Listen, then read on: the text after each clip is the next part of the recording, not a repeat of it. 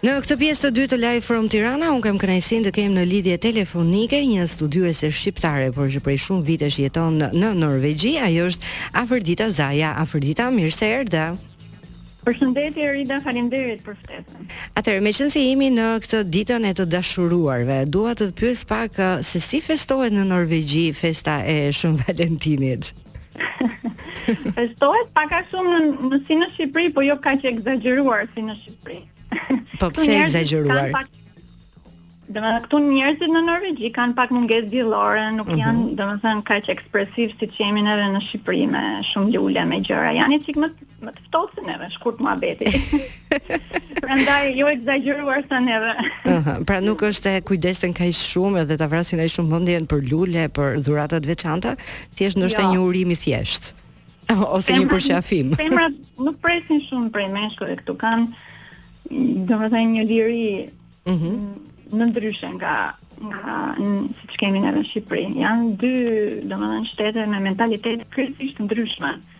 E kuptoj. Mirë, un, Por... mm -hmm, po më thuaj. Po? Më thuaj. Për Valentinin, meqë sot është Shën Valentini. Po. dhe nuk e di, mund të jap një sqarim ndoshta se nga vjen ose pak histori, okay, mitologji. Po, shumë shkurt mund ta bëjmë, po. Patjetër. Atëherë Shën Valentini um, mbahet domethënë si një festë pagane. Po. Në fakt, krishterizmi e uh, e e bëri pak më të famshme këtë datë 14 ë shkurt. Domethënë mbretërit, priftërinjtë krishterë donin e bënë e, me emrin e vet. Ka qenë një prift Valentini që mm -hmm. gjasme martonte të dashuruarit në mënyrë sekrete. Po. Çiftet dhe ai u vra shkurt muhabeti në fund mm. u dashurua me vajzën e mbretit. Ëh, dhe në fund kur u var, ai e shprehu dashurinë. E shprehu dashurinë me dash nga Valentini yt, edhe kjo tradita tani lindi atëherë dhe gjithë njerëzit domethënë Shën Valentini nga Valentini yt. Mirëpo, kjo është ajo që neve domethënë feja krishtere na ka dhënë. Kjo është një festë pagane mm -hmm. dhe Latinët për shembull më përpara ose ilirët le të themi e quanin Kupid. Po. Ishte perëndia e dashurisë, ai engjëlli me shigjetën e dashurisë. Mhm, mm që të gjithë e njohim në fakt. Që të gjithë e njohim në fakt është perëndia vedike Kamadeva, por tek neve gjithashtu quhet dhe Erosi. Besoj është i famshëm. Po.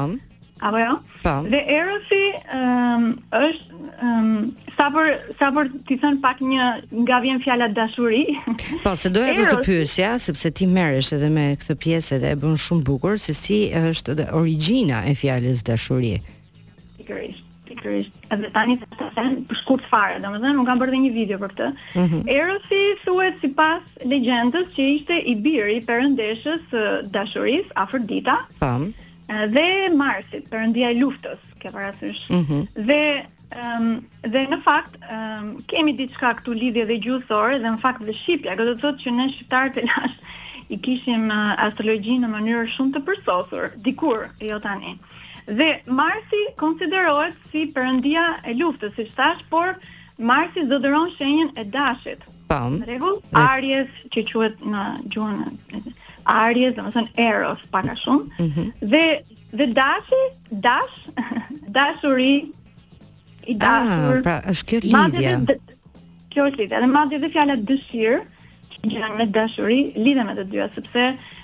Ka elementin zjarr, domethënë Marsi zotëron elementin zjarr. A do të thotë kjo që ata që janë të, të lindurit në shenjën e dashit apo që janë dash në horoskopin e tyre i dashurojnë më shumë se të tjerët?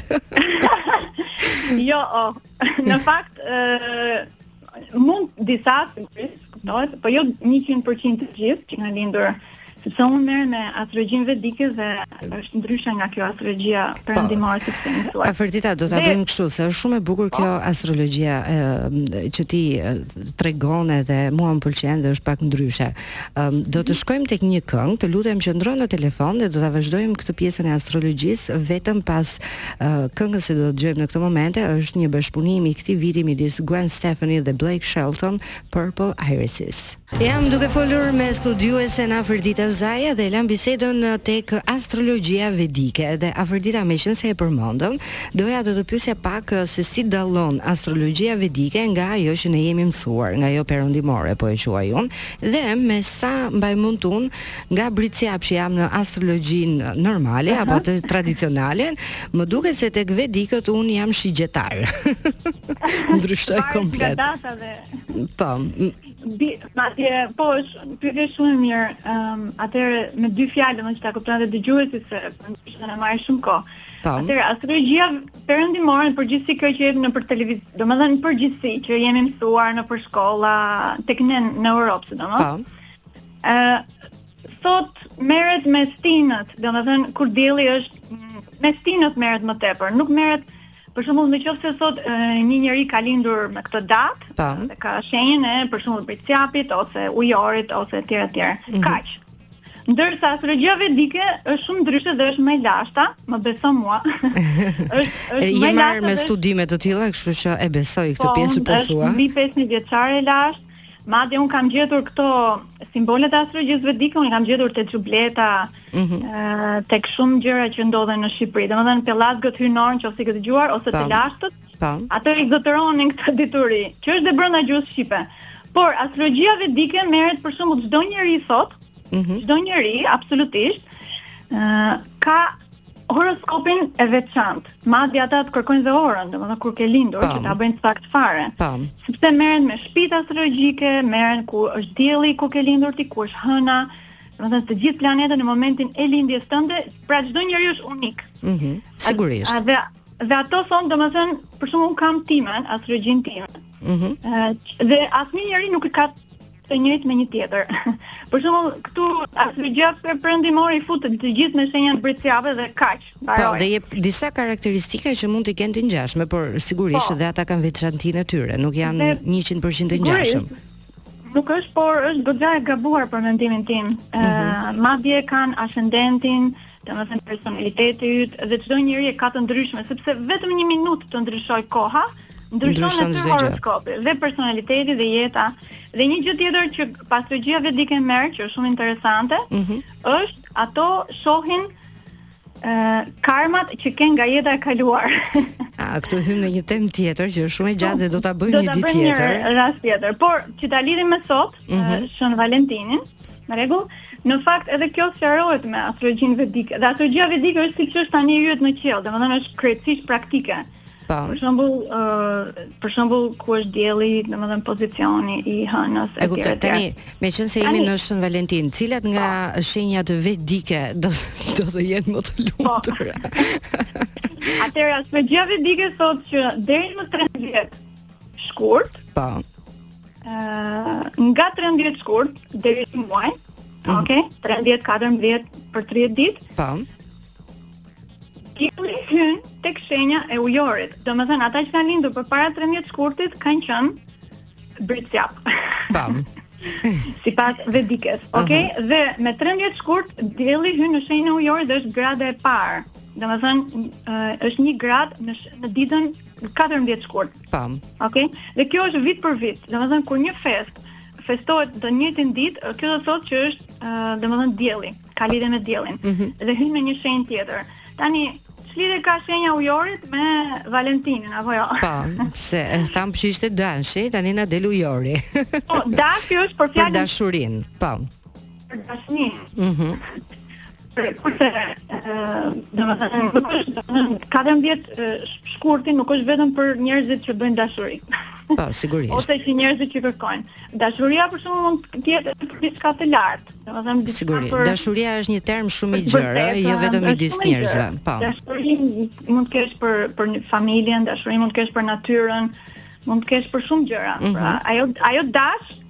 Ajo që kishte për Marsin ishte për, domethënë, pak kështu si pasion, zjarri, elementi zjarr. Pra, e shef sa ndryshon, është ndryshe. Është domethënë e ngjashme, por nuk është njësoj. Po, sigurisht. Dhe... Tani si do të jetë për ujorin Shën Valentini, meqë është në shenjën e tyre. Po, tani Shën Valentini, unë dhe, fillova domethënë që kemi këto perënditë Erosi dhe po. Kupidi. E këto dhe Luperkus për shembull e quanin ë Ilirët më përpara dhe aty ajo ai ky perëndia është nuk e di nëse ke dëgjuar këtë e kanë bërë grekët por s'është fare është me um, duket në formë po. ku uh, Luperkus në formën e cjapit ose dhis. Dhis, që do po. të thotë shenja e bricjapit. Mhm. Mm Pra mbaroi shenja e Bricjapit dhe kemi hyrë në shenjën e Ujorit. Po. Rregull? Dhe Ujori um, drejtohet, domethënë, nga Saturni.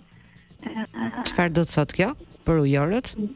Po, dhe Saturni domethënë lidhet me perëndinë Shiva, nuk e di, perëndia e syrit të tretë. Po. Ëh, Ka patur shumë fise më përpara të lashta që adhuronin këtë Shiva, domethënë ai që shikon gjithçka, më i fuqishmi. Dhe në fakt ka një histori shumë bukur se si është uh, Shiva. Mhm. Mm ë uh, thuhet se ai erdhi një lindi, ta them pak si pra 2 minuta vetëm. Shiva thuhet se erdhi në tokë në formën e një burri. Pam. Domethënë është perëndi, domethënë. Pam. Dhe ai ishte aq i bukur, dhe aq interesant, mm -hmm, sa që domethënë të gjithë e shikonin. Mm -hmm. dhe atëherë ka pas ta shenjtor, që quhen rishi, domethënë njerëzit që krijojnë tokën, ekosistemet, natyrën etj etj, po. që merren me energjinë e njerëzve, ë që krijojnë yjet, domethënë, dhe gratë e atyreve kur panë këtë Shivën, ranë në dashuri. Sigurisht. Kur panë, domethënë ai ishte shumë i bukur, ishte jashtë mase. Mm -hmm. dhe pastaj ato gratë i lanë këta Po, dhe shkuan drejt Shivës. Shkuan drejt Shivës dhe atëherë këto u inatosën shumë këto. Ëh, për shembull ka shumë statuj ose ëh shumë që konsider, që janë bërë për këtë Shivën, po nejse. Dhe këto u inatosën shumë dhe i thanë domethënë e mallkuan Shivën, që tani ti nuk do bëhesh më si mashkull, domethënë, mm -hmm. ato organin po. e ke parasysh ja ja e okay, hoqën pra, fare, domethënë mallkuan. E kuptoj. Dhe çfarë ndodhi më pas? Më pas ndodhi që në tokë, pastaj njerëzit nuk bënin më kalamaj, nuk kishin më dashurinë me njëri tjetrin, nuk kish, nuk lidheshin më. Uh mhm. -huh. Ul. niveli i po falë hakmarrjes që ata bënë edhe kjo ishte forma e shpërblimit se duhet ta kuptojmë që çdo gjë që bëjmë në jetë ka një lloj fature mbrapa. Po një faturë dhe një energji që vjen mm -hmm. nga nga lart apo jo, nga lart ose nga që kemi ne brenda neve sigurisht energji hyjnore. Po. Në këtë rast seksuale ose romantike, varet. Mm -hmm. Pra dhe Kjo energjia u zhduk sepse domethënë e zhdukën në një farë mënyre. Ajo origjina, ajo ë burimi humbi. Pa. Dhe atëherë pastaj meqenëse panë që gjërat shkuan shumë keq në tokë, njerëzit nuk bënin as kalamaj, as ishin të interesuar më gjithsecili, domethënë mori kot kjo mm -hmm. romantika fare. Zero dhe atëherë këto të shenjtorët, domethënë u filluan t'i faleshin, ta lavdëronin Shivën. me me mijëra vite, thuhet në legjendë, derisa Shiva i tha, "Ok, domethënë do do prapë do Shiva u zbut pastaj e tha çdo gjë ndryshoi, e kuptova. Po, dhe kjo Shiva është energjia e këtij ë ë 14 e ujorit, e ujorit. E ujorit. Në qoftë se ti e pe, unë të dërgova një, unë kam bërë një këngë, meqenëse ne jemi te Top Albania Radio, këngë, dhe unë Top Albania Radio e kam pas dëgjuar në fakt kur kam qenë adoleshente, shumë. Tiranë. E kuptoj, dhe sot ne kemi ditëlindjen e radios, kështu që. A vërtet? Po. Hajde. Do shkëputemi për pak e dashur sepse kemi uh, reklama dhe qëndron në linjë dhe do ta vazhdojmë bisedën pak edhe se si ndikon uh, gjetja e partnerit të duhur dhe çfarë ndodh me po. ne shpirtërisht kur nuk e gjejmë të duhurin. Vetëm pas pak. Po. Vazhdo të jem në lidhje telefonike me studiuesen Afërdita Zaja dhe Afërdit, unë dua të ndalem pak tani tek po them, Të gjithë edhe femrat edhe meshkujt ndodh që gjatë jetës mos të bëjnë zgjedhjen e duhur për sa i përket dashurisë. Por, ta bëj pak ndryshe pyetjen kur e kuptojmë ne që bëjmë zgjedhjen e duhur, çfarë ndodh? Mhm. Pyetje shumë e mirë. Um, femra në përgjithësi është pala marrëse e energjisë. Mm -hmm. Në kështu e ka bërë natyra. Uh, është më e ndjeshme, ke parasysh më me, me emocione etj etj. Ndërsa mashkulli është Në përgjithësi, sipas universit ose nga natyra është uh, dhënëse, domethënë dhënës. Mhm. Mm për sa i përket energjisë, po Prandaj, po flasim. Du, mhm. për sa i përket energjisë, dhe pak a shumë në siç e shikojmë ë uh, në Shqipëri, për shembull, apo jo meshkujt me lule, me dhurata gjëra, domethënë femrat presin më tepër se sa Në përgjithësi mash presin më shumë nga mashkulli se sa kush jep Po për derisa ne e ndamë, për derisa janë marrëse, është logjike. Okej. Domethënë e shohim në praktikë këtë gjë, jo se njerëzit thonë jo, po nuk nuk nuk e kanë të qartë, kupton? Mhm.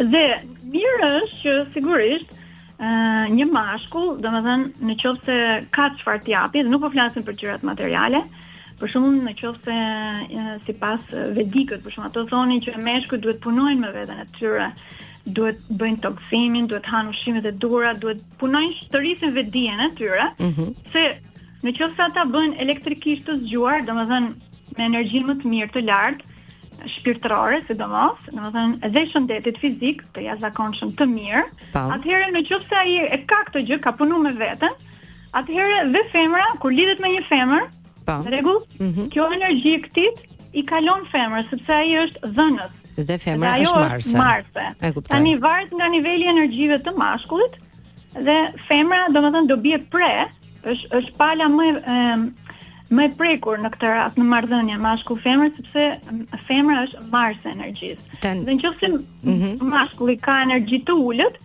ajo automatikisht do t'i ulet energjia. Ah, e kuptova. Po mirë, kjo ulja e energjisë atëherë çon në një marrëdhënie që nuk funksionon? Apo jo? Afërdita, më dëgjon? Po, po. po. E kisha edhe jo, kjo, përderisa jo, po flasim. Jo, për shembull. Po, ka dhe marrëdhënie për shembull që domethënë mund ta zëmë rastin më të keq, për shembull një femër keqtrajtohet ose ku di unë, ai, energjitë e këtij të mashkullit janë si të ulëta, mm -hmm. atëherë ajo thjesht do vuajë, në qoftë se do ta pranojë. Po marrim rastin ekstrem. Po, e prandaj ta bëra pyetjen, pra kur një mashkull ka energji nga ana energjetike, ka e, është i, e ka të ulët energjinë, atëherë po. automatikisht ne kuptojmë që është një lidhje që nuk funksionon. Po, se në... është një lidhje që nuk funksionon, por në qoftë se vazhdon femra me merr merr, domethënë energji të ulët, ajo do vuajë, kjo është 100% e sigurt. Mirë, ndalemi pak të qoftë se Ne harrojmë që gjëja më e rëndësishme është ana emocionale, shpirtërore dhe çfarë ndodh kur ne bëjmë zgjedhjen e gabuar, po them për sa i përket një lidhjeje. Çfarë ndodh me ne shpirtërisht? Ajo që është e femrës, për shembull, meqenëse është fala pala më e prekshme, ajo i duhet edukim. Domethënë duhet të edukohet se kush është një mashkull i lartë, domethënë me nivel shumë të lartë energjie, vetëdije, shëndeti dhe kush është një mashkull, domethënë i ulët. Mhm. Dhe nuk ka edukim për këto gjëra. Për pra, shembull, pra, këtë po mendoja. Kush ta mëson këtë gjë? Nuk, jo. Nëpër filma nuk ta mësojnë, nëpër shkolla nuk ta mësojnë. Në familje s'e dinë për vete të shkretët, nuk kjo është dituri që nuk uh, nuk mësohet, por do të kesh parasysh që femra kur lidhet ose sidomos që po bën fëmijë, po të bën, domethënë në një lidhje, mm -hmm. ajo ka përgjegjësi për të, domethënë do të trashëgojë genet në tokë. fëmijët, domethënë, ajo do e mbajë, një burrë nuk bën dot fëmijë. Apo jo, vetëm. Po, po sigurisht. Është femra që është më shumë përgjegjëse dhe ajo ka për detyrë që të mësojë për veten. Dhe është më afër natyrës, ë sigurisht dhe mashkulli, por femra, fjala femër, mm -hmm. nuk e di a e pe videon, fi është numri Fibonacci, numri i raportit të artë. Po, është numri natyror, mesi i artë. Mm -hmm. Po. Dhe me femër ose femën është origjinalja, men është mashkull, men.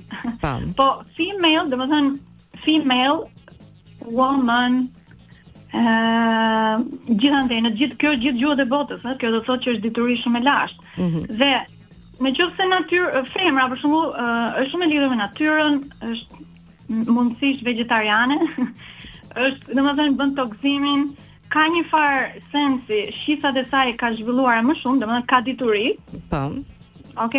Atëherë ajo do bëjë zgjedhjen e duhur, sepse do t'ia dojë vetes të mirën. Nuk mm -hmm. do nuk do thojë që pse të vuaj unë, sepse pavarësisht se sa një femër mund të ketë, mund të ketë të dhash, mund të ketë bërë shumë mastra, ketë punuar shumë me veten, po u lidh me një mashkull elektrikisht të vdekur, domethënë që nuk ka fare vetëdije, pavarësisht se mund të ketë një gjendje ekonomike shumë mirë ose mund ta ketë Domethënë, mashtruar në një farë mënyrë.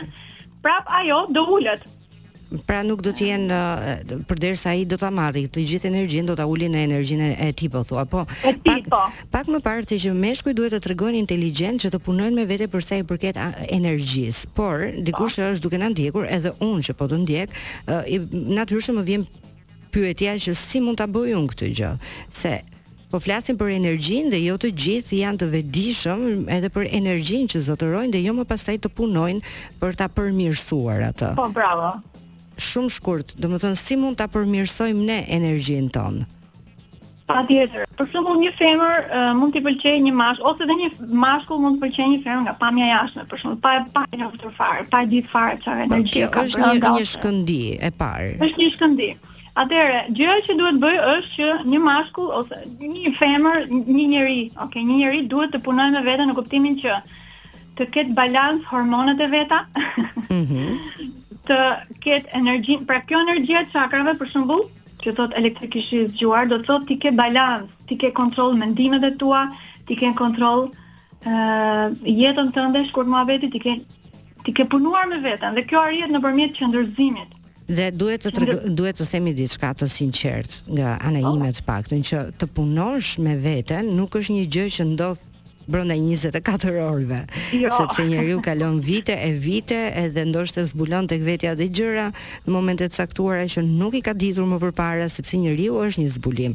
Kështu që po. fillon puna nga tani dhe vazhdon dhe e mira është ne të arrijmë dhe të të kuptojmë veten tonë dhe kështu vjen përmirësimi. E kuptova drejt. Ashtu është, është shumë është shumë e saktë sepse unë për shembull kam filluar me këto gjëra qysh para 17, 18 vjetëve. Po.